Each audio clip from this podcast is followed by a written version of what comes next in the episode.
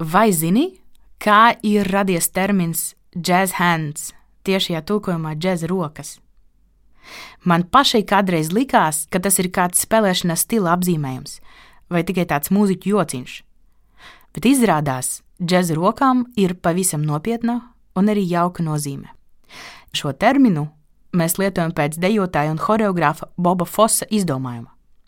Šim deju skatuves varonim bija savs izteikts stils, un tiek uzskatīts, ka viņš kājām gaisā apgriez mūsdienu muzikālā teātra estētiku.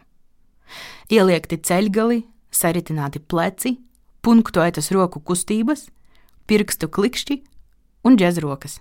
Pastāv liela varbūtība, ka šī kustība nāk no Āfrikas deju tradīcijas. Tātad jātur rokas savam ķermenim priekšā, ar uz āru atvērtām plaukstām, plaši jāizplēš pirksti un tie jākustina.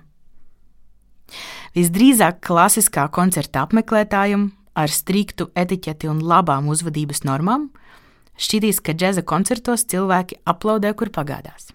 Klasiskajā mūzikā ir pieņemts, ka aplausi ir lieki pat starp skaņdarba daļām.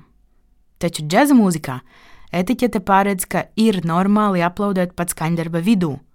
Visbiežāk aplausi skan starp mūziķu solo, it īpaši, ja mūziķa sniegums auditorijai patīk.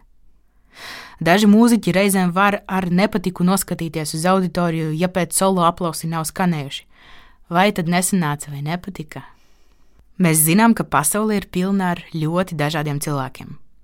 Prieks, ka mūsdienās esam kļuvuši daudz vairāk iekļaujoši, un koncertus tagad var apmeklēt ik viens. Arī, piemēram, cilvēki ar Aspergera sindromu vai citiem autiskā spektra traucējumiem, sensoro jūtīgumu vai dzirdes problēmām. Šādiem cilvēkiem koncerta pieredze var būt grūtāka.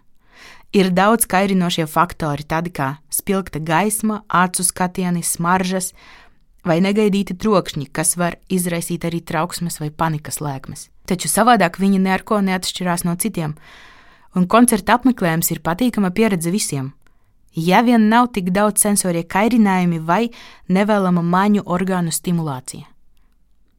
Te atgriežamies pie jazz hands vai jazz rokām. Izrādās, ka šo kustību pieņēma kā aplausu zīmi britu zīmju valodā. Un, ņemot vērā to, ka skaļi un negaidīti aplausi noteikti ir maņu orgānu kairinājums, pat cilvēkiem bez autiskā spektra traucējumiem, Oksfordas Universitātes studenti ir nolēmuši aizstāt aplausus koncertos ar džēzu roku kustību. Šo jauno tradīciju sauc arī par klusajiem aplausiem.